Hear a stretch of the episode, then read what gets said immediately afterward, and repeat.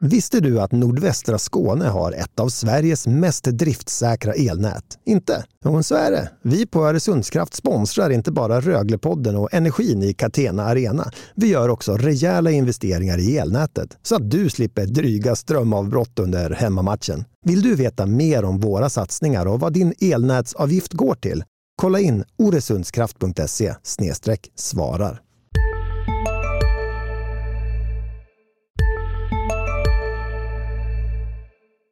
Först ett budskap från vår samarbetspartner. Vågen välkomnar i Raphaël Lavoie, ett ungt fransk-kanadensiskt löv till bandyklubben. Innan höstlöven börjar falla kanske det är dags att se över ditt eget sparande. Kontakta då Vågen Försäkringsbyrå på Östergatan i centrala Ängelholm så hjälper vi dig. Vågen för vågen. We're here to win a championship. I mean, I'm not no no issue saying that. Well, that's why are we doing this? It's to win. I mean, I I don't think uh, anybody that's involved at this level uh, has any other intention. So let's not uh, be afraid to say that. Många av de killarna som är här, många av de som har återvänt, återvänder på grund av att det, det sker saker som de tror kommer leda till att Rögle kan vara topplag i SHL. Det verkar vara så nu att ett antal av er kommer att kunna gå och kolla på Hockey Live. På något annat sätt går ju inte att tolka regeringens besked i fredags, men vad det kommer att innebära i praktiken Ja, vi ska försöka eh, rota lite grann i det där, även om inte vi sitter på några egentliga svar i den bemärkelsen. Och vi, det är jag, Mattias Hjelm, det är Linus Alin och det är Sebastian Rönnström. Vi tre ska hålla, um, inte låda men uh, inte underhålla heller kanske, men i alla fall prata med er indirekt. Du brukar ju både hålla låda och underhålla igen, så du ska inte snacka ner dig själv nu så här i början. Nej, men uh, publiken är ett av de stora ämnena och vi ska också titta lite grann tillbaka på Växjö-matchen. Uh, finns en, en viss trend så här långt under försäsongsmatcherna. Eh, Linus Alin har ju varit ute på onsdagens, det vill säga dagens träning. Så vi kommer ju att redogöra för hur huvudtränaren Cam Abbott valde att formera eh, backpar och mm, kedjor såklart. Och sen är det ju forwardsidan som är intressant nu också när Rafael Lavois är presenterad och den är spetsig och så vidare. Ja, det var jag som pratade mycket här som vanligt. Jag är redan svettig. Är ni svettiga? Ja, eh, inte så farligt. Det verkar vara värre för dig. Jag har inhalerat en dubbel espresso innan vi gick in här, så jag är riktigt speedad och taggad på den här podden. Men vi, vi kan väl börja med publiken då, för ja. det är det som engagerar flest och som eh, naturligtvis är den brinnande frågan. Eh, som alla ni där ute undrar över och eh, tänker på och funderar på. Ehm, kan man gå på hockey och se live eller kan man inte göra det? Eh, kort resumé är ju att eh, det kommer ett besked om publiklättnader från den första oktober ehm, eh, som då innebär att eh, viss publik kan komma in på arenorna. Eh, hur mycket det blir eh, återstår ju att se. Det man kan säga från Rögles perspektiv är ju att de eh, till att börja med då tänker lyfta frågan och, och skjuta fram seriepremiären till den efter månadsskiftet. Rögle har ju två hemmamatcher under den perioden mot Linköping i premiären och sen ett Skånederby mot Malmö. Och det ska hållas ett möte med beslutsfattarna, eh, alltså eh, klubbarnas representanter på ett eh, SHL-möte här snart där den frågan ska lyftas. Så vi kan väl börja där. Vad, vad känner ni kring det och, och eh, flytta fram en premiär? Eh, men de här nya beskeden som har kommit nu att det kan finnas öppningar för att kunna ta in publik så känns det ju som att det ändrar förutsättningarna lite grann. Ehm, alla vill ju såklart ha publik på, eh, på matcherna. Det vore ju väldigt konstigt annars. Det har ju med ekonomi och, och även liksom stämningsmässigt att göra. Så ehm, ja, jag, jag lutar nog åt att det hade nog eh, varit nästan enbart positivt och, ehm, och komma För det är ju inte så pass lång tid. Vad är det det rör sig om? Totalt tre matcher som i så fall skulle flyttas fram. Mm. Och då eh, kan man då istället spela från start med viss eh, publik på, eh, på läktarna så tycker jag att det hade varit klokt och framförallt väldigt eh, roligt och skönt att komma tillbaka till någon slags eh, ny gammal verklighet. Jag tänker att Ja, nu, det är klart att med respekt för spelschemat som är, som är tajt ändå i sitt ursprung så eh, känns det, utan att vara inne i de förhandlingarna, som att kan man lösa det med tv-sändande bolag så bör det ju inte vara någon... Det bör, det bör vara no-brainer för SHL-lagen. Det är bara att trycka in de matcherna. Se till att ha back-to-back-möten, inte vet jag, göra om det på något sätt så man får komprimera. Eh, jag menar fotbollen har komprimerat sitt schema enormt mycket jämfört med hur det brukar vara. Då måste hockeyn kunna, även om man redan har komprimerat schema, kunna lösa det. Men det är ju säkert flera intressenter i det här och det brukar landa i en pengafråga. För klubbarna, ja, få in en viss publik. Sen hur mycket pengar det faktiskt ger. Det kan vara folk som har köpt årskort som, som kommer in och det ger ju ingen extra förtjänst så utan det är mer en, en, eh, en, en stämningseffekt i, i arenorna då också då. Eh, men självklart, flytta premiären. Det är mest rättvist för alla klubbar också, om det går. Ni är båda inne in och, och snuddar på ämnet ekonomi och jag var ju nyfiken på att jag gjorde en intervju med Rögles klubbdirektör eh, Daniel Kock i förra veckan då när det här beskedet kom. Eh, man är ju nyfiken på, ja men eh, om Rögle får in tusen personer, vad, vad, ger det någon effekt när det är en arena som tar 5051? Men då, jag, jag frågade liksom hur många åskådare hade Rögle behövt ta in för att det ska få en betydande ekonomisk effekt. Och då svarade Daniel Kock att eh, kan de få in 1000 till 1500 personer eh, att då är det positivt att ha en väldigt stor påverkan ekonomiskt. Han säger så här citat kan vi starta där och förhoppningsvis höja siffran under säsongen hjälper det enormt mycket. Då ger det oss väldigt bra förutsättningar för, för att få ihop året Eh, på ett vettigt sätt. Vi kommer nu göra en förlust men i så fall blir den hanterbar, slutcitat. Jag bara funderar, hjälp mig nu, fräscha upp det här minnet hos mig. Alltså det här med publik, och man är inne i olika sporter och man hör olika saker och ting. Betyder detta alltså, där har vi säkert skrivit om, eh, att, att Rögles årskortsköpare vad, vad händer med dem? De finns inte än eller har de fått pengarna tillbaka? Jag, jag får inte det här att gå Nej, ihop de, annars. De finns. Eh, men det, finns också i den intervjun eh, hur ska man göra? Hur ska man välja vem som får gå på hockey? Låt säga att det nu blir tusen personer eh, som Rögle får ta in initialt här från den första oktober. Vem får då gå på matchen?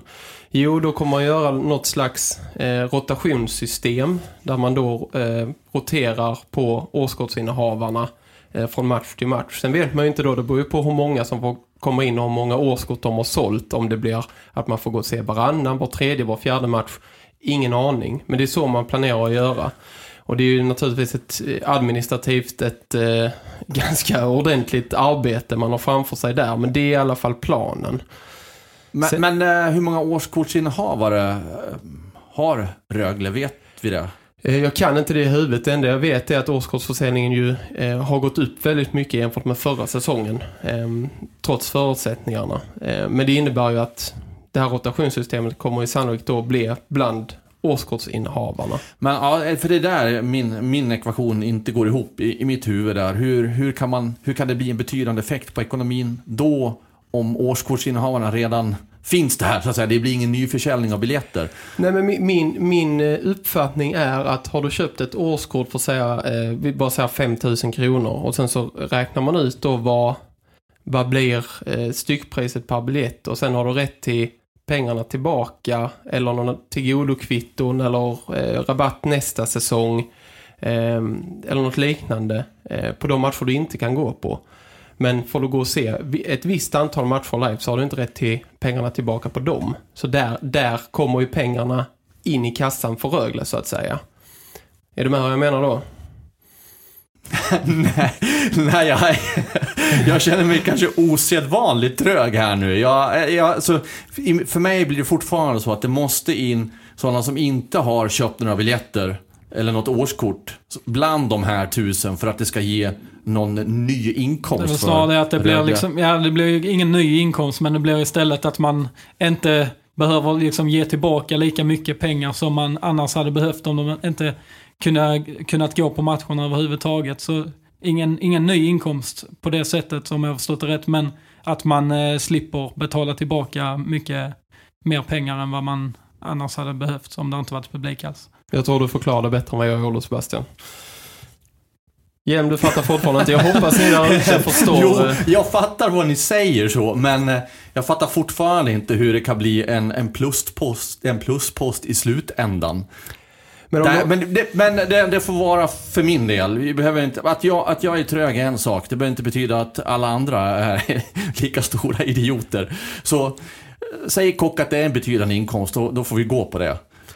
Eh, och apropå det då, jag satt ju på den här Växjö-matchen och, och tillsammans med de andra väldigt få eh, personerna som var på plats eh, gjorde någon slags överslagsräkning i, i huvudet, väldigt snabb sådan på hur många personer med de restriktionerna som, som kommer att finnas hade Röjle kunnat få in.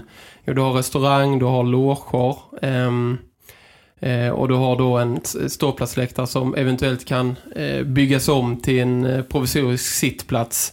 Eh, så alla som var där landar någonstans i den siffran, kanske tusen, ut, några hundra till eventuellt beroende på eh, vissa lösningar. Så det är där man är just nu. Men det är ändå, eh, hela det här är ju ändå någon slags eh, eh, positivt steg för, för alla som, som är idrottsintresserade ehm, i sammanhanget. Så länge man tar sådana steg så, så får man ju se, se ljust på det som komma skall. Upplevelsemässigt så gör ju tusen ganska stor skillnad mot ingenting. Och ehm, ja, känns också mer konsekvent utifrån samhället i stort att regeringen ändå tar det här steget. Att inte bara man kan gå och handla hur som helst men gå på idrott går inte hur som helst. Det finns ju ett konsekvenstänk i det som, som i alla fall jag har saknat tidigare. Ja, och det som återstår nu är ju att eh, Folkhälsomyndigheten ska göra eh, någon slags rekommendation och att man sen då får se vilken typ av tak det blir. Ehm, det pratas om att det ska bli arenaanpassat som man inte sätter ett tak på tusen personer utan att om vi tar fotbollen, Friends Arena får ta in ett visst antal och, och eh, Rögle får ta in ett visst antal beroende på maxkapacitet. Men ehm, Anders Tegnell har ju pratat lite om i, en text med TT, Tidningarnas Telegrambyrå, om någonstans 30-40% av kapaciteten kanske. Ehm, men det återstår ju att se såklart. Det är ju Sen är det långt också ifrån lite klubben. svårt att förstå om man pratar med om kanske två meters avstånd i vissa, eh, alltså både fram och bak och i sidan. Hur man ska få in 40% eh, av kapaciteten där. För då, det krävs ju att där är liksom en rad som är eh, ledig mellan varje, alltså man kan bara sitta på varannan rad. Och sen så är det ju säten i, i bredd också som behöver eh, vara lediga. Så 40% låter ändå som en väldigt hög siffra för att kunna hålla de här avstånden och det är liksom lika tajt mellan stolarna på de flesta arenor oavsett om det är på Friends Arena eller i Catena Arena. Så ja, just det, den frågan var väl i och för sig i samband med eh, supercupen, Europeiska supercupen i fotboll som öppnar för 30-40% eh, publikkapacitet. Så var det väl någon som hade ställt den här frågan till Anders Tegnell om det var en möjlig lösning även in, inom svensk idrott. Och då hade han väl sagt att det inget orimligt men ja, vi får väl se vad de kommer fram till. Nej, rent matematiskt så blir ju verkligen inte tusen av eh, Rögles maxkapacitet 40%. Så kan vi säga. Om, om man kommer fram till att så här många kan vi få in med de avståndsrestriktioner som gäller. Då är vi inte i närheten av 40%, inte i närheten av 30%. Så att det är ju siffror som mer slängs i luften än eh, som faktiskt fungerar i praktiken. Man får ju se när eh, de här beskeden kommer och sen får ju varje klubb utgå från sin, sina förutsättningar, sin arena och se vad, vad kan man lösa. Den är just nu ekvationen generellt väldigt svår att få ihop på jättemånga olika plan. Jag tänker också att eh, för er då som eh, verkligen längtar efter att gå på hockey och ni är många och många fler än vad som faktiskt kommer att få tillträde då från start. Det kommer ju verkligen vara upp till er att eh, ha förståelse för situationen och ja, den här, den här avundsjukan som kan komma upp i olika sammanhang blir någonting som ni kommer att få brottas med Någon kanske får se ett derby, någon kanske får se Oskarshamn. Ja, ni känner själva vilken match ni kanske vill gå på. Och så eh, kanske er polare får gå på Malmö och eh, mm, du själv på Oskarshamn. Inget ont om Oskarshamn Jag i tänkte precis fråga, vad har du emot Ja, Oskarshamn? de vann ju mot eh, Rögle hemma i omgång två eller tre. Ja, det var där du hade fel. Ja. Just det. Så jag har ganska mycket emot Oskarshamn. Nej, Oskarshamn, det är fint. Det är fint.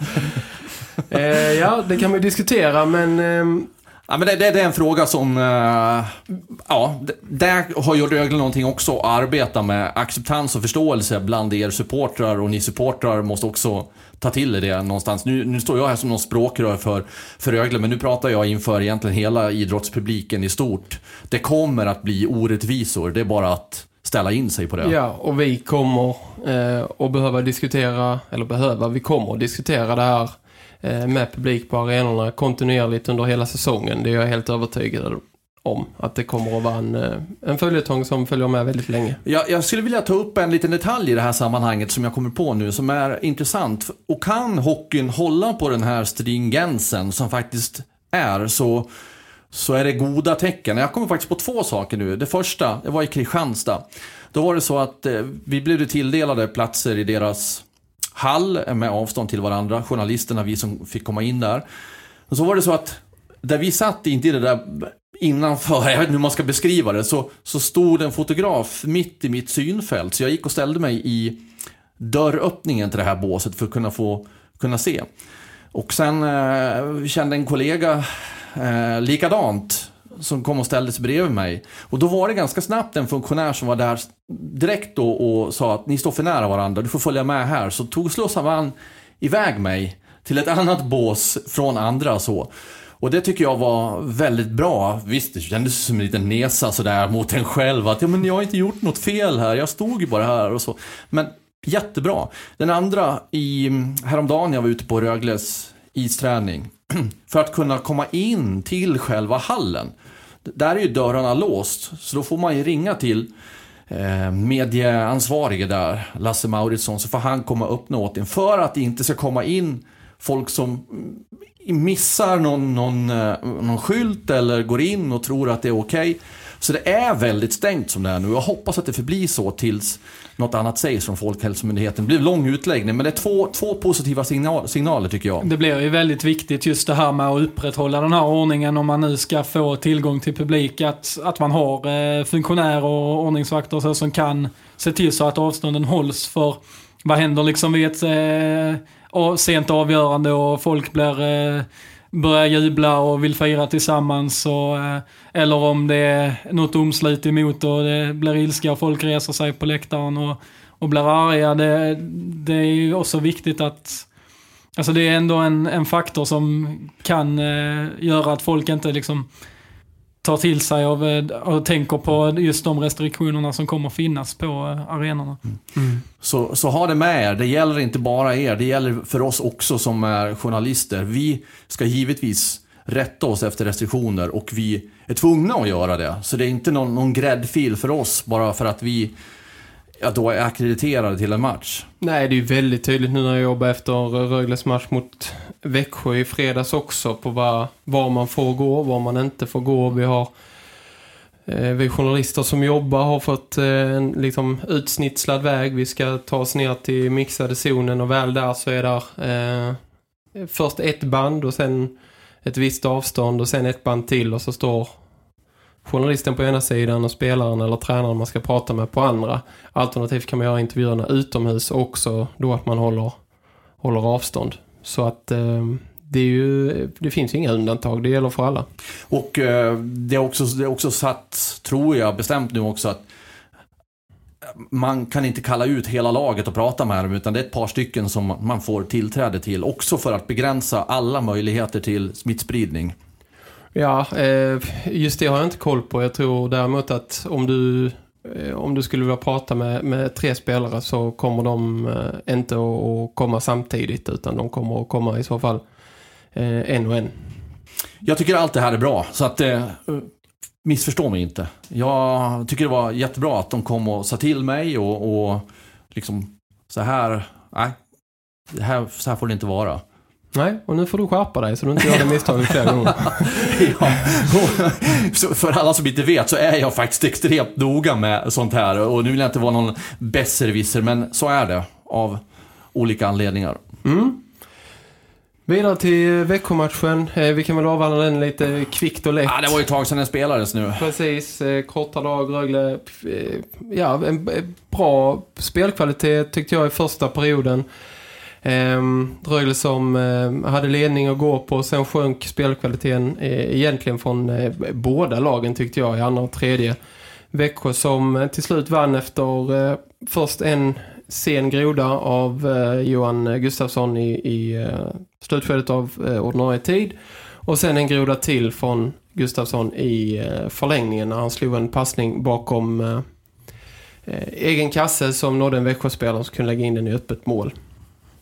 Eh, det var egentligen eh, en som sagt förvånansvärt tempostark första period som sen blev till en typisk försäsongsmatch i period 2-3. Eh, nu var inte jag på plats på just den matchen, men jag var ju på plats i Växjö på första matchen mot Växjö. Jag var på plats i, i Kristianstad mot Kristianstad. Och så då du, nu den tredje matchen mot Växjö. Och det finns ju en, en trend här som kanske inte är oroande när det fortfarande är hyfsat tidigt på försäsongen, men ändå något som säkert Cam Abbott uh, jobbar en del med. Och det är just starta bra och sen dippa. Mm. Och falla, falla ihop och till slut då de senaste två matcherna också förlora matcherna. Och det är ju ingen, det är ju ingen signal man vill ha som tränare att eh, vi håller inte hela vägen ut. Nej, och det har ju Cam Abbott nu när jag intervjuar honom idag eh, inför eh, kommande HV-match eh, väldigt tydlig med att det, nu ska vi liksom leverera en match i 60 minuter. Ehm, en gammal klyscha men den är ju väldigt applicerbar på Rögles försäsong hittills. Det är precis som du säger igen. Starka starter har följts av ganska mycket bristande disciplin också. Många utvisningar. Ehm, det här tappa tempot i matchen. Eh, lämna över taktpinnen lite när det känns som Rögle inte har behövt göra det. Det är ju det som är eh, den stora knäckfrågan nu. Att de ska komma upp i nivå i, under hela kan, matchen. Kan Rögle ha kommit så pass långt i sin utveckling nu att man, man ser sin egen kvalitet, att eh, man omedvetet eller någonstans blir lite bekväma. Inte att man inte har inställning, men ändå känner att äh, men, vi är så pass bra, det här är ingen fara på taket och det är försäsong. Jag vet inte om man kan göra det under försäsongen, ens men skulle det fortsätta så här i några matcher till så är det en farlig fälla att gå i. Ehm, det som har gjort Rögle så starka under förra säsongen är ju ehm, när den, den här maskinen är väloljad och alla kuggar i varandra. Det har ju varit perioder för säsongen där de har massor av spelare borta. Ändå har de kommit ut på en väldigt hög nivå. Eh, börjar man ta det för givet så är det ju en farlig väg att vandra. Men att jag tror det är för tidigt att säga om det är något sånt som har smugit sig in. Det tror jag inte. Där finns eh, väldigt många karaktärsspelare i det laget som eh, jag inte tror skulle acceptera att något sånt eh, händer på sikt. Men visst, då, det är en intressant iakttagelse. Ja, nej, men jag, jag, tänker också att det är försäsong och, och eh, hade det här varit en, en hade det varit tävlingsmatcher så eh, jag vet inte. Jag, jag, tanken slår mig om det har funnits någon, någon viss bekvämlighet med vetskap om vad man gjorde förra säsongen, med vetskap om vilka karaktärer och spelare och kvaliteter som finns i laget. Kristianstad, allsvenskt motstånd, lätt. Eh, första, första perioden när de körde över dem. Växjö som hade en dålig säsong i fjol, första matchen. Klart bättre i två perioder. Men nu kommer HV. nu kommer HV och då... Ja, HV ser ju ut att vara ett, ett eh, äh, starkare lag på pappret i år än i fjol. Det gör i och för sig Växjö också, men ja. Ja, men just det här med eh, spelarnas eh, eget ansvar och tränarnas förmåga att skapa energi är ju viktigare än någonsin nu. Eh, nu är träningsmatcher en sak, men du har ändå inte Eh, även om det är träningsmatcher har du ändå inte ett par tusen ögon på läktaren som, som följer dig och, och eh, pushar på dig. Eh, så det gäller ju någonstans för eh, tränarna att eh, bygga upp en energi och få spelarna att behålla den, bygga för sin egen skull själva och liksom ta den med sig in i spelet trots att man får absolut ingenting gratis nu.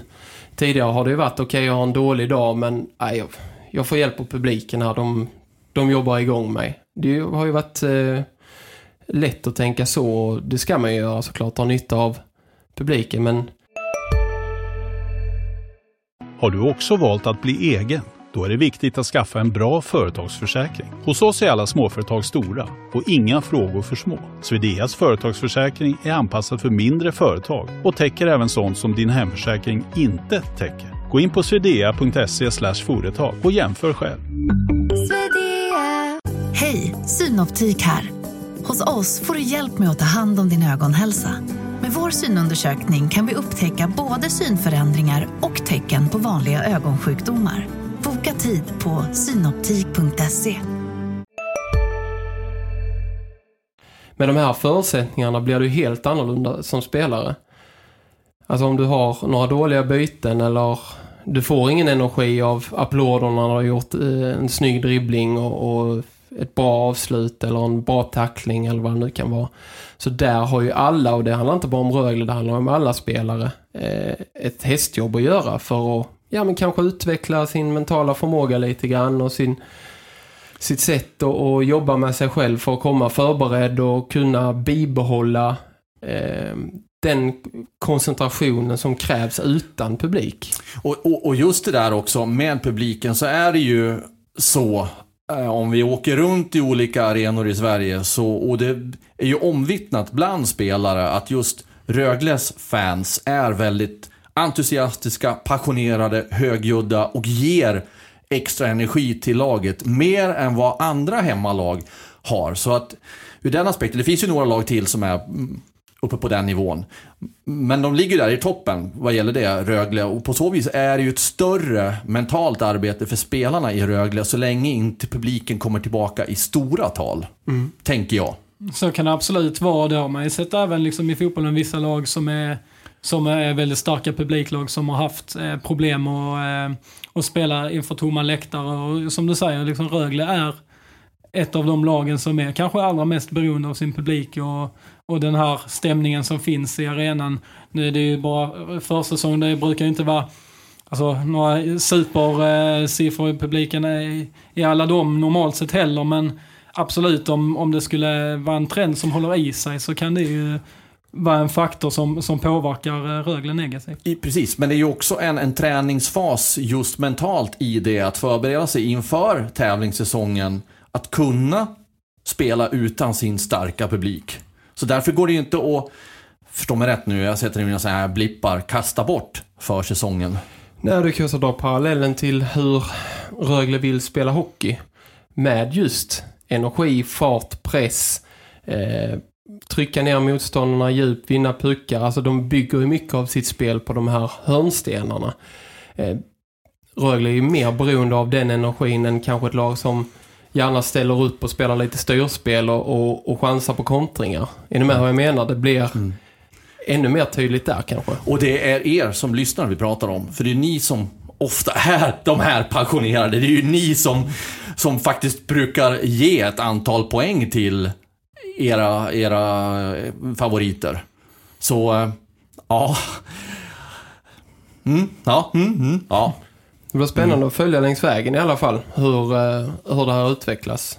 Allt det vi har pratat om nu. För ja, sagt, det, här är ju, det här är ju en ständigt aktuell fråga som säkerligen kommer att vevas och vara eh, skäl för uppdatering i princip varje poddavsnitt. Det, det är nog så eh, det kan bli framöver. Så att eh, om ni tycker att det blir tjatigt, nej det gör det inte för det här handlar om er. Ska vi gå från lång till kort sikt då? Ja, det låter bra. Ja. Eh, nej, men Rögle möter ju HV71 här torsdag. Eh, I deras fjärde träningsmatch för säsongen har ju som sagt vunnit mot Växjö och sen förlorat mot Kristianstad och förlorat eh, mot Växjö. Eh, det man kan säga, jag var ute på träningen, är att ehm, Niklas Hansson saknades. Eh, Sägtes inte till. Jag får... Det gjorde han inte igår heller. Jag frågade Cam Abbott, han ville inte uppge varför han inte var på isen utan sa då i, i princip bara att han inte var tillgänglig. Ehm, och idag, dessa tider kan det väl betyda lite vad som helst. Det, Ja, det kan det göra. Det är svårt att spekulera, men det kan ju, om man ska spekulera så kan det vara allt från skada till covid-19. Alltså, hela det spannet är ju öppet. Och vi vet inte vad det handlar om. nej, man får helt enkelt se när eh, man kan få mer svar om det behövs. Han kanske är tillbaka och, och, och tränar snart, annars får man ju helt enkelt avvakta lite. Vi har ställt frågan eh, och fått svaret som vi har fått helt enkelt. Men Mattias Sjögren är fortsatt skadad. Adam Edström eh, lika så. Sen eh, Rafael Lavoie, lånet från Edmonton då, han har fortfarande inte fått sina grejer som eh, De har fastnar inte i... kommit idag heller. Nej, de fastnar väl i Paris va? Ja, Ehm, så att ehm, han tränar inte. Men Cam Abbott ville inte utesluta honom från spel mot eh, HV ändå. Men jag har väl lite svårt att se att man ska kasta in en, eh, en spelare som aldrig har lirat på eh, stor rink ehm, direkt i hetluften utan kanske låta honom få några pass i kroppen först. Ja, det Gissar gjorde- jag. Ja, det gjorde de. De kastade ju inte in eh, Olli Palola direkt när han kom. Nej, till exempel. precis. Men oavsett eh, så eh, har vi väl ändå ett lag att förmedla. Och det var då eh, målvakter Rifalk och Gustafsson som väntat. Sen backparen Eric Jelinas tränar med Lukas Ekeståhl Jonsson. Arden Lesund med Craig Shearer. Och Jakob Bondesson, Samuel Jonsson och Samuel Johansson såg ut att alternera i... Men Samuel Johannesson var på is idag. Ja, För det var han inte igår. han var på is. Eh, och sen var det två spelare från J20-laget som också var med på backsidan där. Det kan ha varit så att de testade Johannesson också helt enkelt. Att det var därför att han gjorde några ströbyten och så. Eh, kedjorna då. Eh, Olli Palola tillsammans med Adam Tambellini och eh, Leon Bristedt. Vill du ta hela kedjorna innan vi kommenterar dem? Vi kör på det. Det är nog lika bra. Eh, För eh, Daniel Saar spelar med Anton Bengtsson och eh, Dennis Everberg. Eh, Taylor Mattsson med Ryfors och Erik Andersson. Och Melker Eriksson med Brady Ferguson och Nils Höglander. Ja, här finns det en hel del att prata om faktiskt. Det var precis den uppställningen körde de på tisdagsträningen också. Och alltså, ska vi ta kedjor för kedjor? För det finns ju faktiskt förändringar över hela linjen här. Och ja, det, det är värt att diskutera. Det mest intressanta är ju såklart att Adam Tambellini ehm, har gått in på en centerposition. Det är ju det som är mest uppseendeväckande. Rögle har ju, som vi pratade om förra veckan, ehm, Mattias Sjögren på skadelistan och har själva aviserat att eh, det här nyförvärvet på centersidan som de har jagat länge kan dröja om det blir av överhuvudtaget. Det lär det väl bli, men Rögle känner liksom ingen stress utan verkar vilja avvakta lite för att se vad som händer på spelarmarknaden kommande månaden eller kanske två månaderna. Och det här gör ju då att man eh, får, eh, inte lappa och laga, men pussla lite grann kanske i alla fall. Eh, Adam Tambellini har spelat center, eh, dels under unga år upp i junioråldern. Han har även gjort det, som han själv sa, ett par år som proffs. Men i Modo var han ju forward. Så nu gör man ju en, en, ett test med honom där och ser om man kan få någon slags träff. Det finns ju...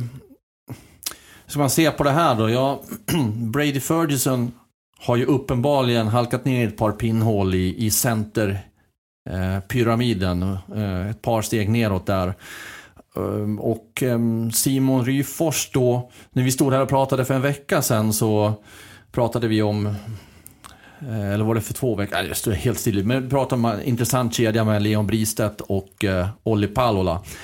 Ehm, och den blev ju inte så långvarig då. Nu är Simon Ryfors flyttad på där och in med Adam Tambellini. Och Tambellini har ju varit i, i ytterforward tidigare och spelat med...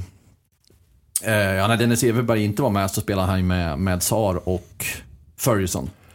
Jag tror det handlar om att om man nu vill testa Tambellini där. Jag tror inte det handlar så jättemycket om Simon Ryfors att han ja, har fått flytta på sig så. Jag tror att man vill testa Tambellini som center och då vill man göra det eh, där han får en riktigt bra miljö och prova så att han kan komma in i det i så fall på ett bekvämt sätt med rätt, alltså de bästa möjliga förutsättningarna egentligen. För det vi ser där är ju en potentiell första line, en spetskedja med om man tittar på pappret med Palola, Tambellini och Bristet. Det är ju två av eh, forwardsen som de vill ska vara och slås högt upp i poängligan till och med. Så jag tror att man vill ge Tambellini chansen eh, på allvar testa honom. Sen om det inte faller väl ut, ja men då får man laborera om. Det är ändå så pass många träningsmatcher kvar att man har utrymme och möjlighet att testa där nu.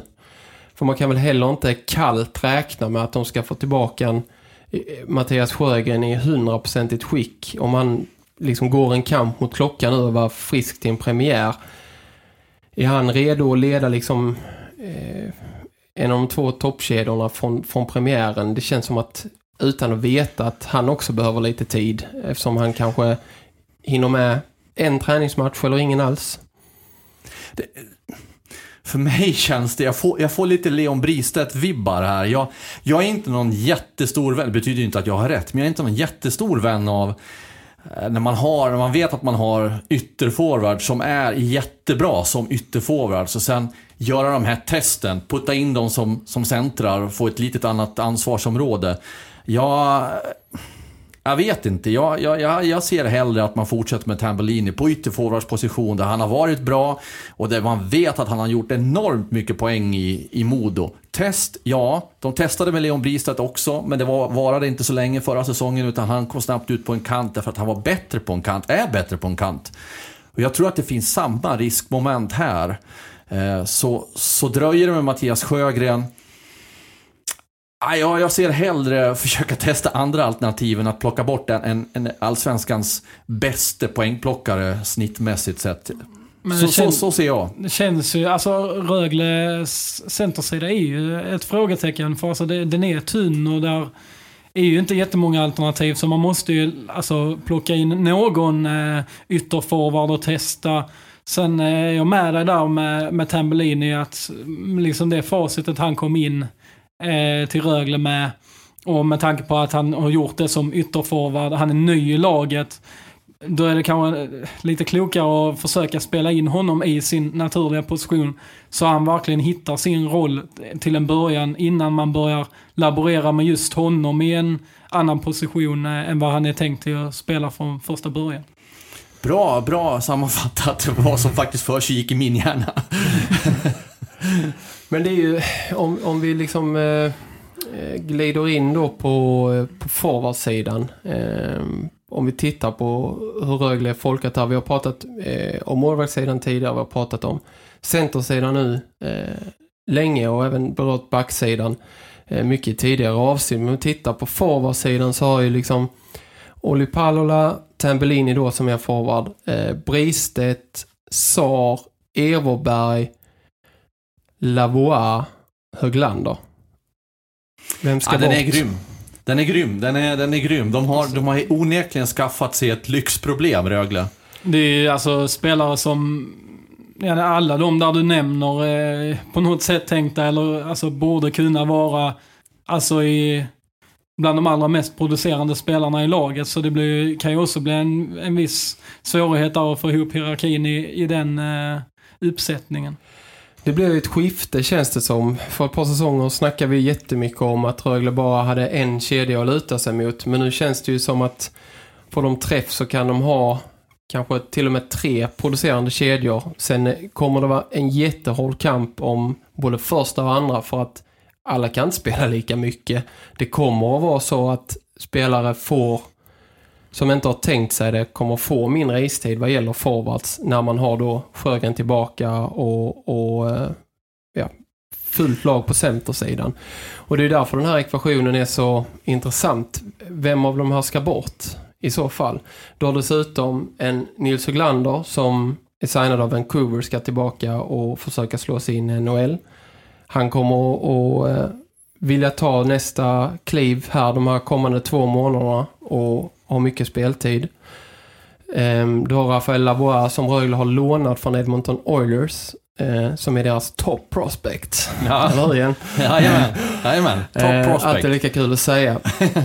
ja, men då, Edmonton vill ju se en uh, liksom, uh, språngbräda utveckling från honom i, i Rögle den här säsongen. Det är ju därför de har uh, lånat ut honom. Och Rögle vill samtidigt såklart bygga upp en relation med Edmonton det hade väl alla, alla klubbar i Sverige velat. Så där också en, en sån kille kanske du inte kan hur som helst liksom sätta på läktaren i matcher och så. Även om det är en konkurrenssituation så blir det ju lite andra pusselbitar med i denna ekvationen också. Det, det, kan ju tycka, tyckas lite för förmätet av en poddamatör att börja ifrågasätta värvningsstrategin här. Men en liten fundering där ändå har ju den här tomten Hjelm här nu. För, för alltså, med den, med den namnen du läser upp där och så tittar vi, som du sa Sebbe tidigare med frågetecken på centersidan. Vi vet inte när Mattias Sjögren är tillbaka fullt ut och när han är tillbaka fullt ut i sin riktiga kapacitet.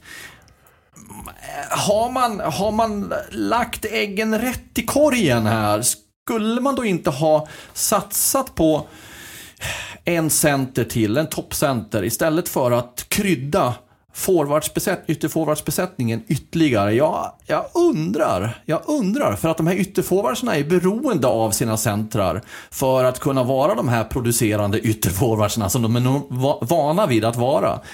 Jag, jag sätter en viss, viss notering här på, är den här strategin hundraprocentigt bra? Vi får se. De har ju gjort det bra tidigare och jag är amatör, men jag undrar. Ja, det blir ju... Det, jag håller med dig där. Alltså det, jag blev själv lite förvånad för man satt ju och väntade på att... När det snackades då om det här top prospects, det var ju liksom... Chris Abbott uttalade sig just i, i alltså den eh, situationen kring just centerfrågan. Eh, så att det just blev en ytterforward som kom in förvånar faktiskt mig lite grann där att man inte eh, gick alltså tydligare på just centerspåret. Men eh, som du säger, alltså Rögle har ju lyckats med väldigt mycket tidigare och varvningar så man får någonstans ha en, eh, ha en tilltro till att de, de vet vad de gör men jag blir ändå lite fundersam även jag. Vi två i alla fall. Jo men det är jag också. Då är vi tre. Det kan vara tre där. Samt det, det enda jag tänker på i det här sammanhanget är ju Eh, att det ofta snackas om vikten av att ha offensiv bredd. Det är ju inte jättemånga matcher på en säsong där man kan säga att eh, hej och hå, eh, vi har skadefri trupp. Det är alltid folk som faller bort. Det har dessutom ett, ett eh, frågetecken från Nils Höglander som ska försöka slå sig in i Vancouver om ett par månader. Lavois är utlånad eh, om båda parter känner att det funkar bra under en hel säsong. Så där kan man ju ha liksom en, någon att spela med eh, om Höglander nu skulle försvinna. Ehm, Ja, för ja. det är ju då i så fall från mitten av november ungefär. Så det är ju inte jättelång tid innan Höglander sticker över. Men jag håller med. Det, det är ju ett... Eh, på centerplatsen så är det ju ett eh, eh, vågspel för Rögle här nu. Ska man Eh, de har ju varit efter Joel Kjellman till exempel. Hade de fått honom i mål hade de redan signat centern. Nu sitter de kanske i en position där de känner att nej, det finns ingenting på marknaden här som vi är superintresserade av. Men vi ser att om en och en halv månad så kommer det börja röra på sig jättemycket i Nordamerika. När läget klarnar där och hur blir det med AHL? Hur blir det? Hur blir det med alla NHL-spelare som inte tar plats? Då kanske det frigörs jättemycket spelare. Ska vi då sitta med en full trupp eller ska vi ha is i magen och vänta lite, lite, lite till? Jag är med på ditt resonemang. Men låt säga att det är precis så här som Chris Abbott, sportchefen, resonerar. Och så kommer det in en toppcenter om en och en halv månad. När den här marknaden öppnar sig så. Då betyder ju då att de här testen Matt Tambellini nu då, om han får fortsätta där eller inte, ska puttas ut på en ytterforwardsposition igen. Och då blir det ju ytterligare komplicerat med alla ytterforwards som ska konkurrera om platserna. Så, så någonstans blir det ju en övertalighet med, med en center som kommer in nu. Eh, vilket jag nog faktiskt tror att de behöver. För tittar man på centeruppsättningen, Mattias Sjögren är ett osäkert kort som det är nu. Brady Ferguson om han nu ska fortsätta där eller om han ska ut på en ytterforwardsposition också. Eh, har ju inte så här långt eh, visat något, något anmärkningsvärt och det är fullt förståeligt från den ligan han kommer och, och anpassa sig och så vidare. Och så har vi Simon, Simon Ryfors då och Alltså den fjärde centern som då kan vara... Anton Bengtsson. Anton Bengtsson ja, som inte bara kan vara utan är Anton. Anton Bengtsson är ju, vet ju vad han kan också. Och så kan ju, det var jag tänkte säga, det var att Erik Andersson kan ju gå in och spela där också. Men jag vet inte. Jag, jag, jag tycker det är lite tunt där faktiskt. Mm. Jag kommer inte runt det. Jag Nej, tycker men att det det är lite tunt. Och ska det då in en center där så, ska ju, så blir det ju den här övertaligheten jag pratar om. Som, då, då gäller det att hålla spelarna på humör. Mm. Så är det helt klart. Ja, det, ja. det återstår ju att se vad Tambellini kan uträtta på en centerposition.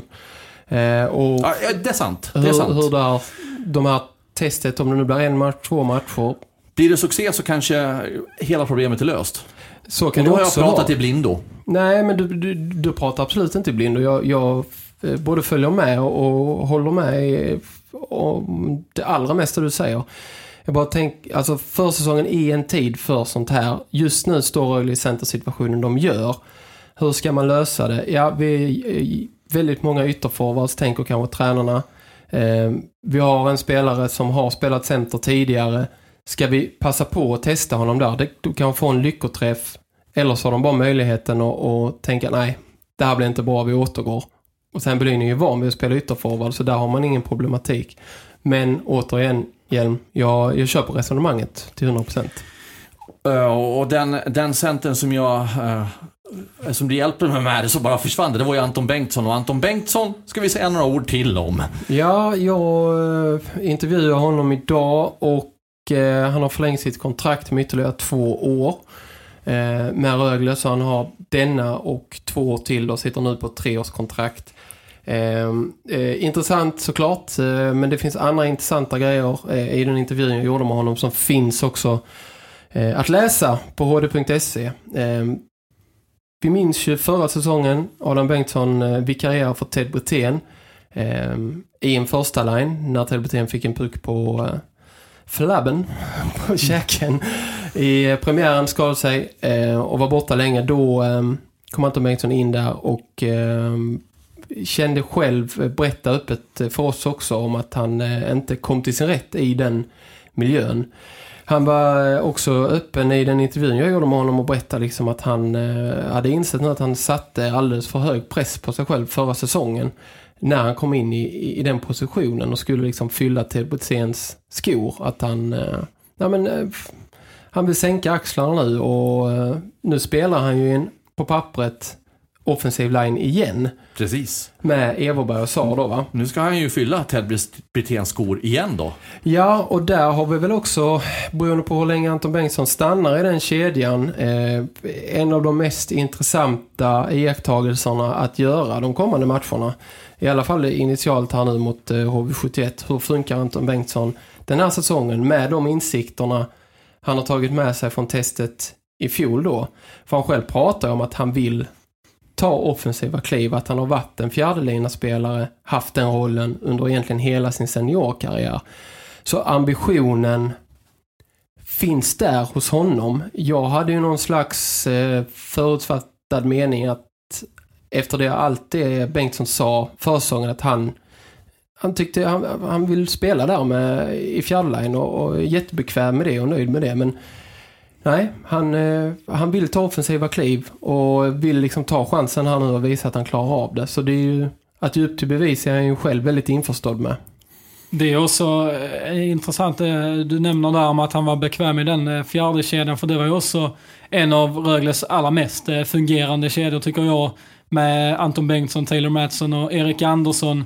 Det är också en, en sån funktion i ett lag som man inte heller ska underskatta alla gånger. Man pratar väldigt mycket om de första två kedjorna som ska producera och leverera. Men det behövs ju även de som är skickliga defensivt och, och gör jobbet för laget för att få igång eh, liksom själva inställningen i laget.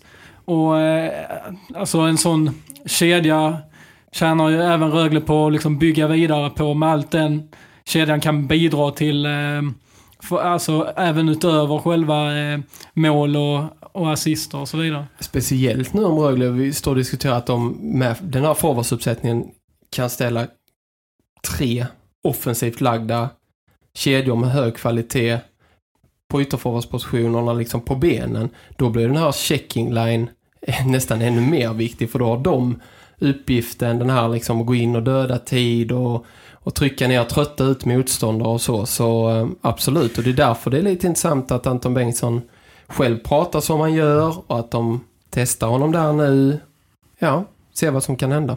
Jag vill också lägga till protokollet där när ni pratar om att eh, den här kedjan eh, var så energisk. Ja, det var de, men, men de vann ju faktiskt matcher åt Rögle också. Så det var ju inte bara, om man uttrycker det så, en, en kedja som var nyttig på den, på den, på den punkten. Eh, det är viktigt att komma ihåg och det var ju faktiskt en av Sveriges, eller seriens bästa fjärdekedjor och, och med den fjärde kedjan så kunde ju också Rögle som lag driva framåt till den där historiska tredjeplatsen. Jag tror att vi, vi är färdiga där. Känns så va? Ja. Och vi rundar helt enkelt av det här och, och tackar eh, Vågen Försäkringsbyrå för samarbetet vi har med dem. Och så önskar vi er en skön dag, en skön kväll och en bra avslutning på veckan. Så är vi tillbaka igen om en vecka. Det är vi. Hej! Hej!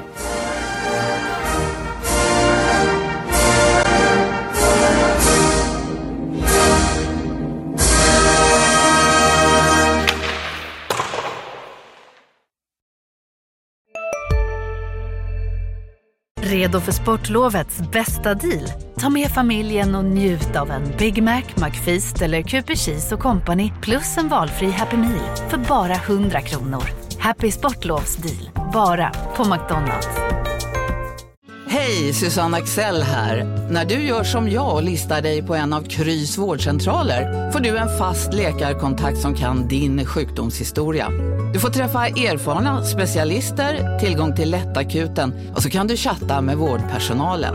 Så gör ditt viktigaste val idag, lista dig hos Kry.